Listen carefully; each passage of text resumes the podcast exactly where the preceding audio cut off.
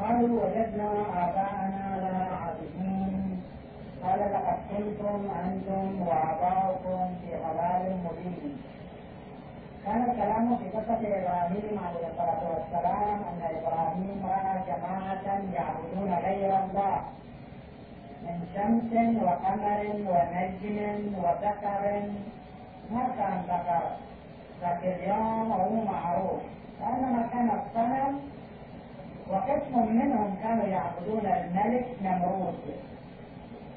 فسألهم بأية حجة تعبدون هذه الأصنام والأوثان؟ جوابهم كان هذا الجواب. قالوا وجدنا آباءنا لها عابدين. وجدنا أن آباءنا يعبدون هذه الأصنام البشرية والحجرية والكوكبية. وجدنا آباءنا يعبدون هذه الأصنام فعبدناها نحن. ذكرنا في الليلة البارحة أن هذا تقليد والتقليد في ثلاثة أشياء. الأول التقليد في أصول الدين يعني التقليد حول الإله حول النبوة حول الإمامة حول المعاد حول العدل. هذا التقليد لا يجوز شرعا. يعني كل إنسان يجب أن يكون مقتنعا عن دليل أن الله واحد. أن الله عادل. أن الأنبياء من ومن ومن. وأن آخر الأنبياء رسول الإسلام. وأن الأئمة علي وأولاده. وأن المعاد في يوم القيامة كائن. التقليد في أصول الدين لا يجوز شرعا. وبإجماع العلماء كما يقوله العلامة الحلي في كتابه الباب الحادي عشر اسم كتابه. وله شرح.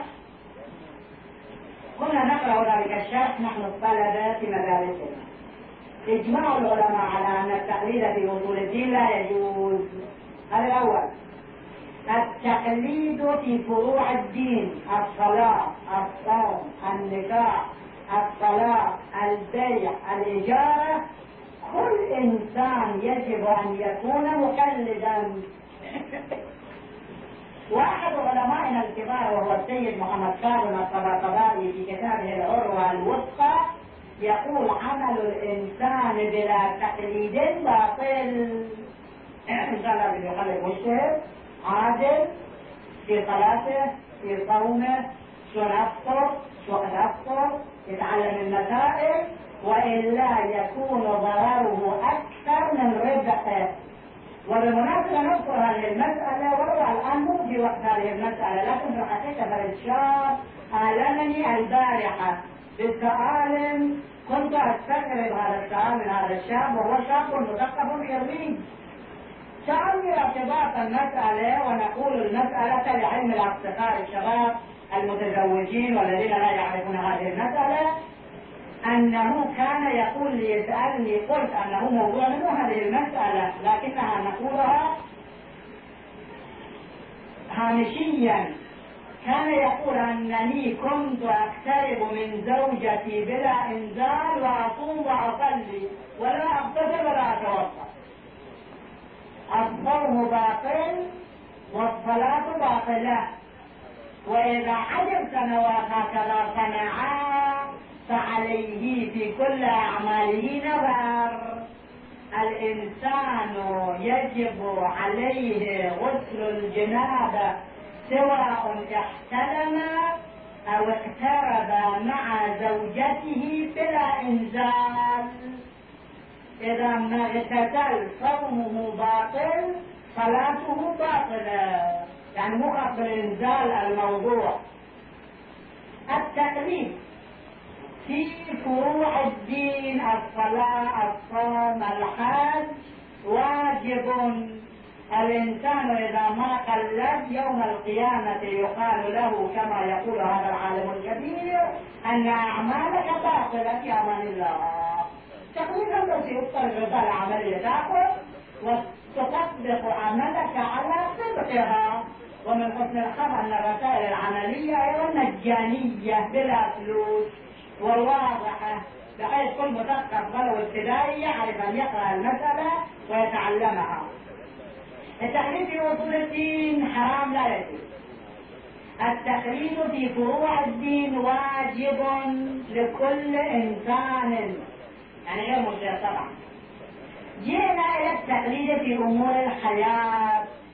البارحة قلنا التقليد في أمور الحياة لا يجوز عقلا لأن الأمة المتقلدة والأمة التي لا إبداع لها هذه أمة جامدة محكوم عليها بالفشل والتأخر وكذلك كل إنسان كل فرد يقلد. هذا يقلد يعني في أمور الحياة في الصناعة في التجارة في الزراعة في السفر في الإقامة في البناء فيما أشبه. إذا قلد يعني صار جامدا يعني يرى غيره ماذا يصنع فيصنعه ونحن المسلمين إنما جمدنا وتجمدنا وتأخرنا بهذا السبب. في يوم كان المسلمون المبدعين في العالم. واقع غريب غريب. ويحتاج إلى مطالعة. ما شاء الله أكثركم مثقفون أو كلكم مثقفون. يحتاج إلى مطالعة. لماذا نحن الأمة التي كان ذات يوم سادة العالم المتقدمون في كل شأن من شؤون العالم. لنا علماء درعة صيتهم موجود إلى اليوم. هذه الأمة لماذا تأخرت وتحطمت وتكثرت ولماذا غيرنا صعدوا وصعدوا وصعدوا الامريكيين كلكم سمعتم أنهم ذهبوا إلى القمر. ووصلوا ووضعوا رجلهم على تراب القمر. سامعينها بكلكم ولعل بعضكم رأيتموه في التلفزيونات. يعني التلفزيونات كانوا يوصلون الصور هذا مو مهم. المهم ما أدري سمعتم أو ما سمعتم؟ هذه النقطة الثانية الأهم. من وصول أولئك إلى القمر. إذا ما سمعنا اسمعوها الآن. تعلموا أين كنا وأين وصلنا أين كنا؟ يوم كنا أخذنا بالإسلام وأين وصلنا يوم تركنا الإسلام؟ لما وصلوا إلى القمر تعلمون أن أراضي القمر مو مثل الكويت والعراق وإيران والبحرين لها أسامي لأن هذه الأسامي هي أسامي مجهولة.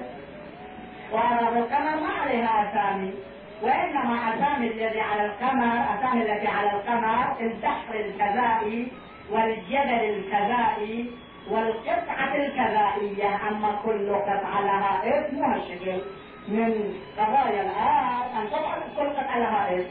يعني هنا الكويت ثم في الكويت تقسم الأرض إلى بنيد الجار وإلى الشرق وإلى الدوحة وإلى الفرانية وإلى الشعيبة وما أشبه. مو الشكل. الأمريكيين لما وصلوا إلى القمر تعلمون بماذا سموا قطعات الأرض من القمر؟ سموا قطعات الأرض من القمر باسم ثلاث من علماء المسلمين. أحدهما الخيام أحدهما الخيام والثاني العالم البيروني والثالث العالم الطوفي مفاخر قبل أن هؤلاء هم الذين أرشدونا إلى أنه كيف نغزو القمر ثم سامعين هذا الحديث؟ لكن تعال اليوم ذاك اليوم اللي كنا مسلمين كنا آخرين بالإسلام آخرين بالإسلام الآن تقولون الحمد لله عندنا مساجد وعندنا كذا وعندنا مصلين هذا صحيح. لكن اليوم عندنا أيضا في أغلب البلاد الإسلامية خمور وعندنا في أغلب الإسلامي البلاد الإسلامية إمام وعندنا في أغلب البلاد الإسلامية فجور وعندنا في أغلب البلاد الإسلامية سرور هذا معنى ترك الإسلام. الآن يذهب رجل إلى الكويت الكويت اكو وضعوا 100000 قانون يقول أنا 100000 قانون اعمل بها واطبقها باستثناء قانون المرور ما أقدر إلى قانون المرور واي مكان اشاره حمراء اني ادخل فيها واتجاوزها الحكومة ماذا يقول له وماذا تقول الحكومة له يقول انت مواطن غير صالح يجب ان تؤثر أول مرة ياخذون منك غرامة ثاني مرة غرامة ثالث مرة غرامة رابع مرة تجي يقول أنا 100000 قانون أعمل. يقولون لازم ألف قانون بلا استثناء إذا استثنيت قانونا فأنت مواطن غير صالح. الإسلام يقوله يقول نفس الشيء لنا يقول أنتم مسلمون غير صالحين لأنه ليس بمنكر واحد ولا عشرة ولا مئة في أغلب بلادكم متفشي الأمريكيون لما وصلوا إلى القمر جعلوا أسامي ثلاث من علمائنا نحن. من القمر. يعني سموا هذه القطعة لما كنت الكويت مدرسة علي بن أبي طالب ومدرسة ياحيى ومدرسة مدرسة كذا. الغربيون لما وصلوا إلى الغرب الأمريكيين ها ومو لأنهم محتاجين إلى المسلمين أبدا قالوا لأن هؤلاء هم الذين فتحوا لنا طريق غزو القمر. قبل 900 سنة بيروني قبل 900 سنة. والخيام قبل 700 سنة. والطوسي قبل 700 سنة ثلاث مناطق من مناطق القمر سموها باسم ثلاثة من علماء المسلمين. راجعوا أين كنا؟ وأين وصلنا؟ كنا تاجر يملك مليون دينار ووصلنا إلى إنسان فقير يستعطي لقمة الخبز. ماذا وصلنا التجار وماذا تفضل نستعطي لقمة الخبز ثالث شيء الاسلام يوم كنا عملنا بالاسلام واخذنا الاسلام وانتهجنا الاسلام وبلادنا كلها خالية عن المنكرات وصلنا إلى ان الامريكيين ومكتشفي القمر يفتخرون بعلمائنا ويوم تركنا الاسلام ورفضناه وخليناه خلف ظهورنا ما إلا واحد عالم في العالم واحد عالم في العالم معه عالم الفيزياء المسلم الكذلك عالم الكذا المسلم الكذلك عالم الطب المسلم الكذلك مع هذا الحقيقة الشباب أنا أوصيهم بصورة خاصة طالعوا تاريخ الإسلام. حقيقة تاريخ مدهش إلى اليوم مدهش لما فتح المسلمون في العراق في العراق قطعة تسمى في ذلك اليوم لأن العراق كما تعلمون كان جزءا من الإمبراطورية الإيرانية. وطاق كسرى موجود في بغداد فتحوا قطعة العراق تسمى بالدشت النيشان. ذاك اليوم قطعة العراق قطعة فارسية. ولو كان بني كريم نصارى عرب موجودين في العراق وبعض القبائل العربية القليلة لكن الصبغة العامة كانت إيرانية. فقطع العراق أيضا كانت ذاك اليوم كلها بالأسامي الإيرانية بغداد هاي كلمة فارسية. وهي ضاد يعني بستان العدل ضاد يعني بستان. العادل يعني داد. ولذا بغداد كلمة عربية ولذا لما تراجع أشعار الأدباء وتراجع التاريخ تجد أن بغداد يقرأ كل شكل. الكلمة العربية لا يتصرف فيها. يعني محمد مثل ما كان يقول محمد محمد محمد لا يجوز. أما إذا كانت كلمة عجمية يجوز كل شكل. بغداد يقال له بغداد وبغداد وبغداد وبغداد وبغدان. كما ذهب بن العباس بغدان أحد شعراء العرب يقول بغدان بالنون لأن كلمة فارسية مو كلمة عربية. مو شاهد في هذا. فقطع كانت شهادة أحد علماء المسلمين؟ قطعة العراق تسمى بالدشت نيشان؟ نيش باللغة الفارسية يعني شنو يعني خروف. الخروف بالفارسي يقال له نيش دشت نيشان يعني شنو؟ يعني صحراء الحرفان لأن هناك مزارع وهناك حرفان يرتعون في هذه المزارع. رجع التاريخ. هذا مو احتياج لأحد هذا احتياج للإسلام. في أبين الإسلام أنا أريد أبين الفتح من التاريخ الإسلامي والعالم الإسلامي أريد أبينه. العالم المجتهد الصين جيش زين صحيح. بعد ذلك لما جاء العرب المسلمون وأخذوا هذه القطعة سموها كلمة دش غيروها دش ملازم. زوجوا ميشان هم عربوها. أكو قاعدة في اللغة العربية أن الكلمة الفارسية تعرب. قاعدة أكو ثقافية. عربوا هذه الكلمة ميشان زوجوا ميشان. ويا أبو حيدر مقاطعة عماره ولذا الآن رجعوا الاسم إلى الاسم الاصلي الإسلامي الذي هو ميزان سابقا كانت تسمى عماره غزيره عماره الشيخ إبراهيم بكر وعماره فعماره كانت تسمى في أول قبل الإسلام دشت ميشان بعد ذلك المسلمون طرحوا الدشت واخذوا ميشان وميشان خير كلمة عجمية عربوها وصنعوا منها كلمة عربية تسمى الميسان هذا كله في الشاهد هذا بس على التاريخ. الشاهد في الفاتح الإسلامي. أخذ فرد ولد بكبر عبد العزيز عبد الله حبيب من هذا الدشت ميشان ولد ليفي اسمه شنو اسمه هذا الولد ابو اسم شيرين تحفظه ولو مسجلات حكومة تحفظ ولكن المسجلات أكثر واقع. لأن هذه المسجلات إذا كثرت وفي البيوت والنساء والأولاد الآخرين وفي المستقبل فتحناها نعرف بعض القضايا الإسلامية بإذن الله سبحانه وتعالى. كل واحد صديق عنده مسجل يجيب المسجل ماله كلش بسيط لا عنده مصرف ولا عنده صعوبه ولا عنده أي شيء. وهذا كتذكار شلون الان نستفيد من مسجلات من قبل عشر سنوات وقبل عشرين سنة وقبل أقل وقبل أكثر في المستقبل أيضا نستفيد من هذه المسجلات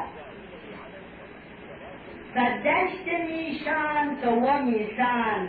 والفاتح الإسلامي أخذ إنسانا ذكيا من أناس قاطنين في هذه المنطقة من الفلاليح اسمه شيرين. شيرين فارسية صح؟ هذا عند ولد خبر عبد العزيز. هو قبل الإسلام مو مسلم شيرين مو مسلم في طبيعي.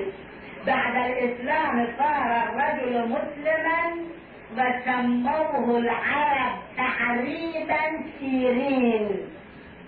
ولده من اسمه؟ ابن سيرين. محمد ابن سيرين. محمد بن سيرين الولد مسلم.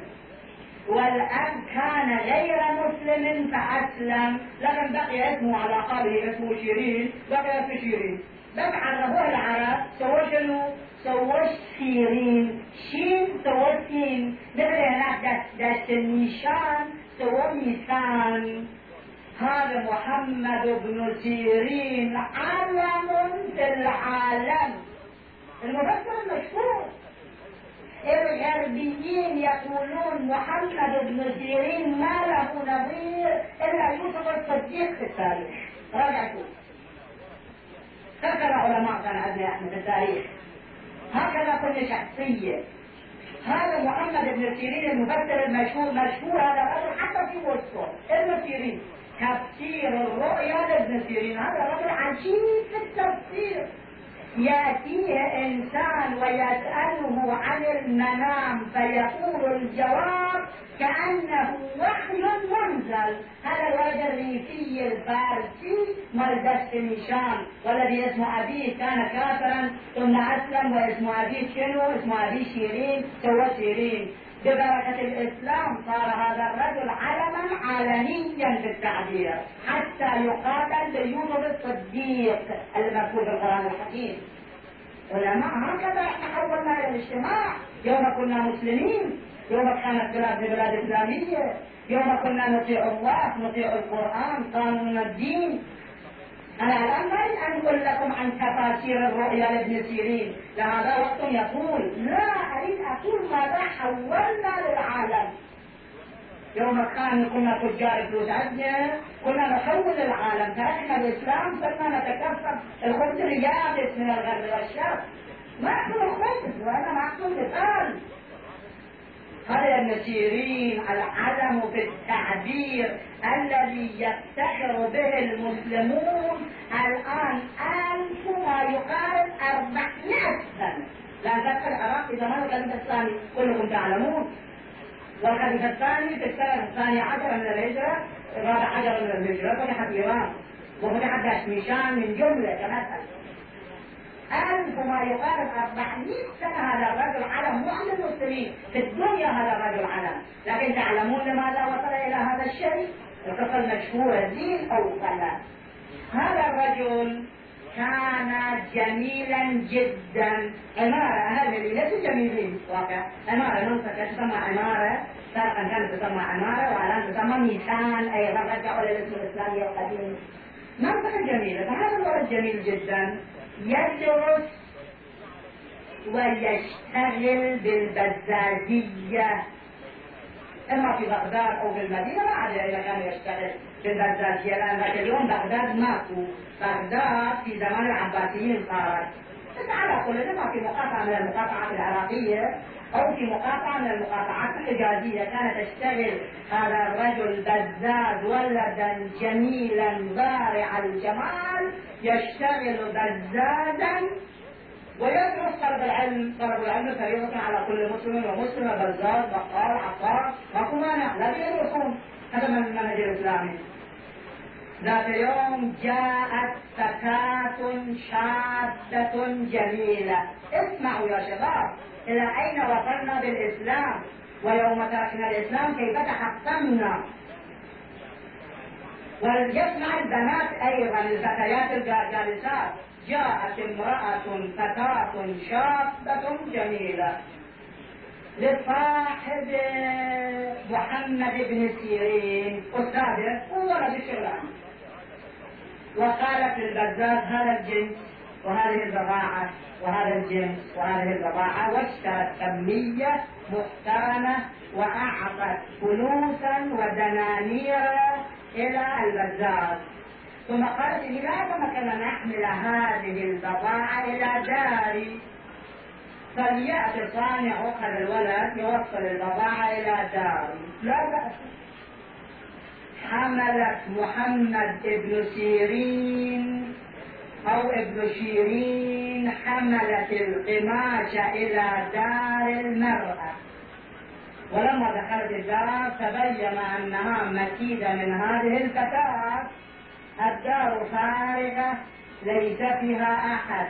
ومحمد بن سيرين شاب جميل غير متزوج. والفتاة شابة جميلة غير متزوجة. فلما دخل محمد بن سيرين الدار أقفلت الباب عليه وقالت هيت لك. قال محمد بن سيرين إلى بعض شباب من المسلمين أقصد أنا في الحقيقة كلها أقول أحكام عامة ما أحكم على بلد خاص أبدا. قارن القصة والمعاكسات للبنات على أبواب المدارس.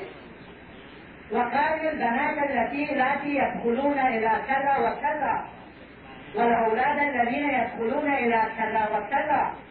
أليس من القبيح أن بعض الجرائد كتبت قبل عشرة أيام أن الدولة الفلانية وكثير من الشباب قرأوا الجريدة في هنا الديوانية وألآن موجودين جريدة الكويت يقول أن الدولة الفلانية فردت رعايا الدولة الفلانية الإسلامية لماذا؟ لأن أربعة من شباب تلك الدولة فعلوا ببنت صغيرة فعلا شنيعا وثم ألقوها من الشرطة في غرفتهم في الفندق إلى تحت فقتلوه فرعايا تلك الدولة الإسلامية ممنوع يجب على بلادنا. هاي مو قضية حقيقة؟ وإحنا مسلمين؟ مو قضية جرائد الكويت كتبت هذا الشيء وأنا قرأتها. مو كويت بطبيعة الحال تلك الدولة دولة. إسلامية وكلنا مسلمون وكلنا إخوة وكلنا أخوات. قارنها مع قصة ابن سيرين ولماذا ذاك اليوم تقدمنا وهذا اليوم تحطمنا؟ محمد بن سيرين شاف ماكو علاج. ابدا. شيطان نفسي وشيطاني والدنيا والهوى كيف الخلاص وكلهم أعدائي. شهوة الشباب فتاة جميلة معطرة لا يجوز شرعا أن المرأة تخرج من دارها وتستعمل العطر لأنها تهيج تهيج الشباب والفتيان. لكن ذاك اليوم أين وهذا اليوم أين فمحمد بن سيرين شاف ماكو علاج قال ما يخاف لكن ما ذهبت إلى المرحاض جزاكم الله وأخذت من نجاسة المرحاض من نجاسة مدفوع الإنسان والبول ولفح جسمه بها من رأسه إلى قدمه. وتحسن وسخ خرج الآثار تريد الأنس. مو كذارة ووساخة وعفونة. شنو هذا العمل منك؟ لا هذا ابدا أنا مو مستعد اني اخاف الله رب العالمين. أنا مو مستعد على أعمال مزيانه ابدا. الآن أنا من المسلمين الشقيقه ما أقول ماكو قطعا الآن أقول لكنه اليوم الصبغه العامة افسدوها الغربيون علينا. الصبغه العامة الغنى والكذا والكذا. أحد الأشخاص المحترمين الآن كان هنا قاعد من أصدقاء التجار يقول على أنه في الحقيقة إنسان يحجر من الإذاعة ومن الأغاني. كل هذه الخضرة وسمرة وشقرة وطويلة وقصيرة. حقيقة طبيعة. حقيقة طبيعة. لكن كان خلق عنها فيها. خلاص. الفتاة فتحت الباب. وخرج محمد بن سيرين. وذهب إلى الدار. وبدل ملابسه وقال إن عملا يمكن أن يجرني إلى معصية الله. أتركه مسلم جديدها جديد. أبو كافر وأسلمها. تصوروا هذا الشيء ونحن مسلمون 14 قرن. قال إن عملا يمكن أن يجرني إلى معصية الله. ما أعمله أنا أبدا خلاص ما أوصل بس أبي مقاتلاته ويا الأستاذ. بدل ملابس جاء للأستاذ قال أنا أستقيل لماذا؟ قدروا ما شنو صار؟ قال أستقيل ما أقر عليه لأنه خوش ولد مو أنه بس جميل طيب والناس أيضا. قال وقع هذا هو وأنا أخاف مرة ثانية أقع كان هذا الله تعالى عاونني ونصرني وامتلكت من يد امرأة. قالت ما كان الإنسان من يدها مرة ثانية أو من يد غيرها؟ استقام وطلب العلم نام في الليل. اليوم وقعت له هذه الحادثة. نام رأى في المنام ملكا. قال له يا ابن سيرين يا محمد بن سيرين بجزاء عملك لله. ألهمناك علم التعبير كما ألهمنا التصديق لما انفلت من زمان زليخة. زليخة امرأة ملكة في بلادها شاب جميلة وراودته التي هو في بيتها عن نفسه وغلقت الأبواب وقالت هيت لك. قال معاذ الله إنه ربي. أنا عندي إله أنا أخاف. أنا ما أعمل منكر. لما خرج يوسف الله ألهمه علم الرؤيا. قال جزاء لمقابلتك بزليخه فأنت تفسر كل رؤيا كما هو الواقع. العجيب في قصة يوسف أن الله بس ما أعطاه علم الرؤيا أعطاه أجل من ذلك. حتى تجد واحد يلفق رؤياه ويقول تفسيره. شيء عجيب هذا. أنا بارك شايف رايح البحر واصبح يدخلوا أجي إلى يوسف أقول له يوسف عليه الصلاة والسلام يقول لي تفسير. تريد الإنسان لفتت رؤيا. أرحت إلى يوسف وما رأيت في المنام. قلت ليوسف أنا ضاحك رأيت في المنام ركبت طائرا من هنا ورحت ذهبت إلى الإمام الرضا من تأويل الأحاديث تأويل الأحاديث على محمد بن سيرين رأى في المنام نفس الشيء. يا محمد قال له في المنام. يا محمد بن سيرين بجزاء عملك لله. وانسلافك من يد الخطاب مع تلك المغريات ألهمناك علم تحضير الرؤيا كما ألهمنا يوسف الصديق حيث انفلت من يد امرأة العزيز في قصر المشاركة. فاشتغل هذا محمد بن سيرين بالعلم واشتغل واشتغل وإذا به عالم عالم. مو بس يعرف التفسير ها هو فقيه هو متكلم هو إمام هو مرجع هو يفسر. الرؤيا وهو كتاب تحصير الأنام في تفسير المنام للشيخ محمد بن سيرين. شوف مدهش إن شاء الله لو صارت المناسبة أقول لكم بعض تفاسيرهم مدة شهر الرؤيا. الآن عندنا في العالم هكذا تعال يلا. هذه القصة قبل 14 شهر 13 قرن أن محمد بن سيرين يفتخر به الغربيون والشرقيون. عندنا الآن ما لأننا تركنا الله قد تركنا الله. الآية الكريمة يقول نسيناكم كما نسيتم لقاء يومكم هذا. يعني أنكم نسيتم الله الله نسيكم في أمان الله. اذهبوا واطلبوا ممن تعملون لا. علماء. هذا عالم. محمد بن سيرين. عندنا عالم ثاني مسخر للدنيا إلى اليوم. هذا رجل كان يحضر درس السيد الشريف الرضي جماعة من علماءنا في التاريخ هذول وصلوا إلى مراتب راقية من العلم والعمل والإجتهاد في سن مبكر. من جملتنا الشريف الرضي هذا عمره قليل ووصل إلى درجة الاجتهاد وفوق الاجتهاد. هو جامع كتاب نهج البلاغة للإمام أمير المؤمنين عليه الصلاة والسلام. الشريف الرضي جمع هذا الكتاب. وأن يوصل شباب كل واحد منكم اطلبوا نسخة من نهج البلاغة يشتروه وطالعوه من أوله إلى آخره هذا كتاب رائع إلى أبعد الحدود.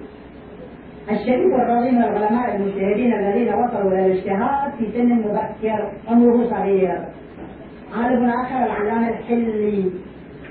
يوسف بن مطهر الكلبي هذا الرجل أيضا وصل إلى الاجتهاد وعمره 14 15 سنة. وهو آية الله في العالمين. يعبر عنه. إن شاء الله الرجال نتكلم لكم عن آية الله العلامة الحلي. وقبره في النجف الاشهر هو في الحل يسكن وذهب إلى النجف. ودفن في النجف. عالم ثالث عندنا في كربلاء مدفون إذا رحت إلى كربلاء شريف العلماء. هذا المرجع تقليد وعالم وصل إلى درجة الاجتهاد مبكرا وكان يجلس تحت درسه في كربلاء في مدرسة حسن خان ألف عالم كان يجلس تحت درسه ما قرن تقريبا هذا الرجل. ومات وهو شاب ودفن في كربلاء. وكانت له مقبرة ونحن مع جماعة من تجار كربلاء اشترينا المقبرة والأرض والمرحوم سيد الحكيم بناها مدرسة الآن في قبال باب القبلة للإمام الحسين. تجدون مدرسة شريف العلماء. العلماء كذا الشريف الرجل من جملتهم.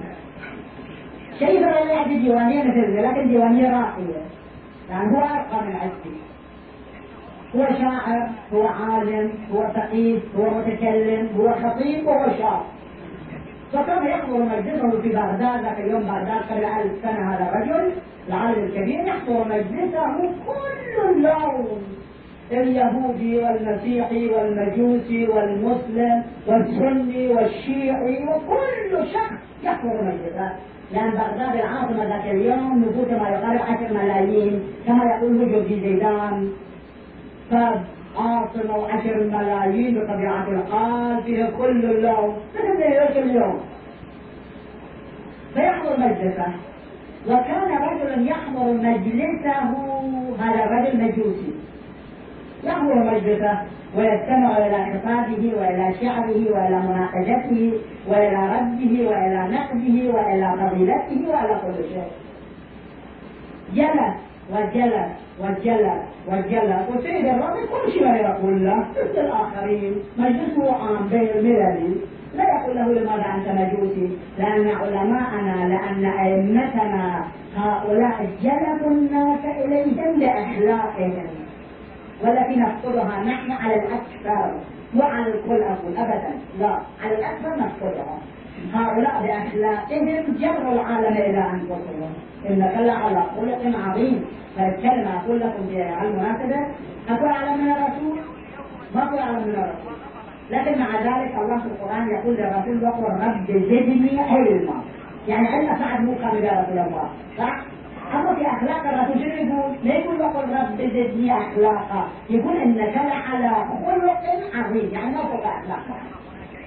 يعني أنك إذا كان علمك عشرين كيلو لازم أخلاقك خمسين كيلو. أخلاق أخلاق البيع أخلاق الشراء أخلاق الحفاظة أخلاق الزوجة أخلاق البنت أخلاق الزوج أخلاق الأب أخلاق الأم أخلاق الولد أخلاق البنت تعال شوف صحافلنا تعال شوف أسواقنا تعال شوف بيوتنا. أين الأخلاق؟ هسير الرمي شاهد الكلمة هذا أخلاق لا يقول أبدا شيء وإنما أي واحد عنده سؤال يجيب كل شيء ذات يوم جاء هذا الرجل المجوسي الشاب وقال سيدنا إني أحب الإسلام لأني رأيت من الإسلام اخلاقا طيبة وادابا وفضيلة. رأيت من الإسلام هذا الشيء. قد لا باس ما هو شروط الإسلام؟ شرط الاسلام أن تقول أشهد أن لا إله إلا الله وأشهد أن محمدا رسول الله. أسلم الرجل وحسن إسلامه وصار من أصدقاء الرضيع وأنتج ديوان شعر. ديوان شعره علم في البلاد العربية وغير العربية. سنة اسمه مرة مهيار رجل فارسي مجوسي ما زندواني الأصل؟ ديلم معيار الديلمي ديلم ديلم ماكو بندر ديلم ديلم هو من ديلم ديالنا رجل فارسي مجوسي أسلم واسمه معيار قبل عشرين سنة مصر البلاد العربية السنية ما قلت لك كتابة لا أريد أقول هذا الرجل شلون علم؟ طبع كتاب هذا الرجل مهيار الديلمي الإيراني المجوسي الآب الشيعي المنقلب. وقالوا هذا مسخرة أصلا مسخرة. كان عندنا. معيار الديلمي مجلدان رحمن من أرفع الشعر العربي. هذا شوف. بالإسلام وصلنا نحن ما وصلنا بهي الإسلام ما وصلنا بالقوميات ولا بالإقليميات ولا باللونيات ولا بالأسيات ولا بالحدود الجغرافية ولا بالخمر ولا بالقمار ولا بالسفور ولا بالفجور. بالإسلام صرنا علم. فالصديق كان عندي في كربلاء سطح الرضا سيدي على هذا هندي كان هذا راح إلى لندن بعدما رجع من لندن قال أغرب شيء رأيته في لندن رجل إنجليزي ويمكن هم سامع من هذه الكلمة رجل إنجليزي يحفظ ستين ألف بيت فارسي لما أنت الفردوسي قال هذا علم فردوسي فردوسي إذا تجد صورته صورته موجودة.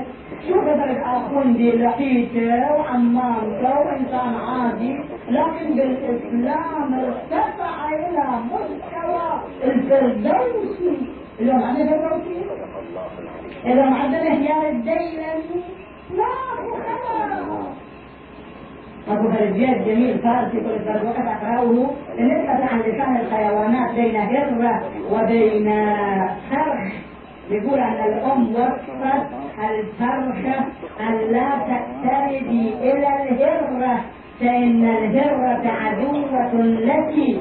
فاقتربت الفرخ في قصيدة طويلة جميلة عن لسان الحيوانات وإشارة وكناية فاقتربت الفرق وأخذت الكرب الجف والفرق بعدين أن يقول إلى هذا البيت يقول لما أخذت الجف والفرق بعد نكفي جاب تبرع كنت نجر فریاد جوجر گربه پس لما تركنا الإسلام احتاجنا إلى أعضاء الإسلام. صنعنا دينا دي الكفار فكرنا فكر الكفار قانوننا قانون الكفار. الله خلاص كنت أعطيتكم علماء أخذتم الدروس والفن هذا أيضا ما هذا الشيء. من كان يظن لا يهي من كان يظن أن لن ينصره الله في الدنيا والآخرة فلينظر بسبب إلى السماء ثم ليقطع فلينظر هل يذهبن كيده ما يغيب يقول الله إذا تركتني إذا يحصل السماء يضحك هذا من كان يظن أن لن ينصره الله في الدنيا والآخرة فلينظر بسبب إلى السماء ثم ليقطع. يعني يخليه يصل إلى السماء ويفتح الطريق ويروح يشوف على أنه يتمكن يرجع أنا ما أخذت منهم من كان يظن أن لن ينصره الله في الدنيا والآخرة فلينظر بسبب إلى السماء ثم ليقطع فلينظر هل كيده ما يريد؟ ما خلاص كلمنا كلام كان في تقليد. الحياة تقليد الغرب تقليد الشرق تقليد الكفر تقليد الانحراف. راح ابن السيرين ما طلع على ابن ما طلع على ابن مهجان ما طلع على ابن الفردوسي؟ ما طلع على ابن حتى الإمام أحمد بن حنبل ما اكو أبو حنيفة عندنا الشافعي عندنا دعنا على الإمام الصادق. الإمام الصادق لا يسمى سواه. يعني إمام. الإمام لا يسمى. وإنما الإمام بنفسه من الله ومعين خلاص لكن عندنا علماء عندنا ابن سينا عندنا البيروني عندنا الخيام عندنا نظام الملك عندنا علامة حلمي عندنا السيوطي. فقراء. تركنا الله الآن يجب أن نرجع. الآن يجب أن نرجع لأن الله تعالى من صفاته تواب. تواب يعني شنو؟ يعني أنا سبيتك بعدين اعتذرت منك قبل. مرة ثانية سبيتك واعتذرت منك أم قبلت عذري مرة ثالثة ثالثة أتبع أم تحضر عذري روح عنده كل يوم تسبي وتعتذر لكن الله يقول له 100 مرة إن حرصت ورجعت من أكبر.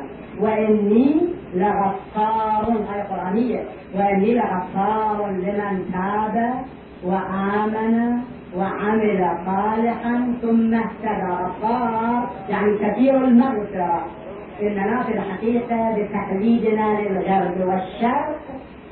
تحكمنا الليلة الليلة تقول إذاعة الكويت على أنه أنور السادات قبل بأن يقابل في أمريكا حسب طلب كارتر هذا كلهم وصلنا أكبر حكومة في بلادنا مصر لا شك فيه مصر كانت تزود نفس العالم الإسلامي بالثقافة والعلم وكل شيء. أنها كما تعلمون.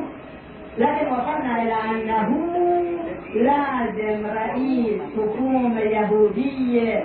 كل مساحتها شبر مغلقة يقابله ويستسلم رد علينا أراضينا. ونحن مستعدين نجعل معك سلاما. نسوي دبلوماسيات نسوي طريق مفتوح. تعاون. هو نحن الله ما اريد ان اتكلم في السياسة ابدا. إني أريد أن أتكلم اين العزه وأين وصلنا؟ إن شاء الله الرجال اتكلم لكم عن عزة المسلمين. الاربع مسلمون كانوا أعزاء أكبر الحكومات لها أكبر الحكومات. تاريخ لذا الإسلام من أول يوم كان يحارب التقليد في الحياة يقول لك قلب شو سيد نظام يقول لك مو قلب أبدا. خذ مخلد في الفقه صحيح. مخلد في أصول الدين باطل مخلد في الحياة. لا. كل شيء انت اسمع الصلاه حتى ما تتعلمون منه. وفي هذه المباركة التي قال إبراهيم لقومه ما هذه التماثيل التي أنتم لها عاكفون؟ قالوا إنا وجدنا آباءنا. إبراهيم قال لهم عمي في الحياة الإنسان ليس في الحياة يكون مكسر يكون مبدع يكون متقدم يكون قائد ما يكون زي ما تقول الأنبياء مع الناس دائما. هذا وهذا هو منطق الإسلام معنا اليوم وقبل اليوم وبعد اليوم. ونسأل الله يوفقنا لما يحبه ويرضى.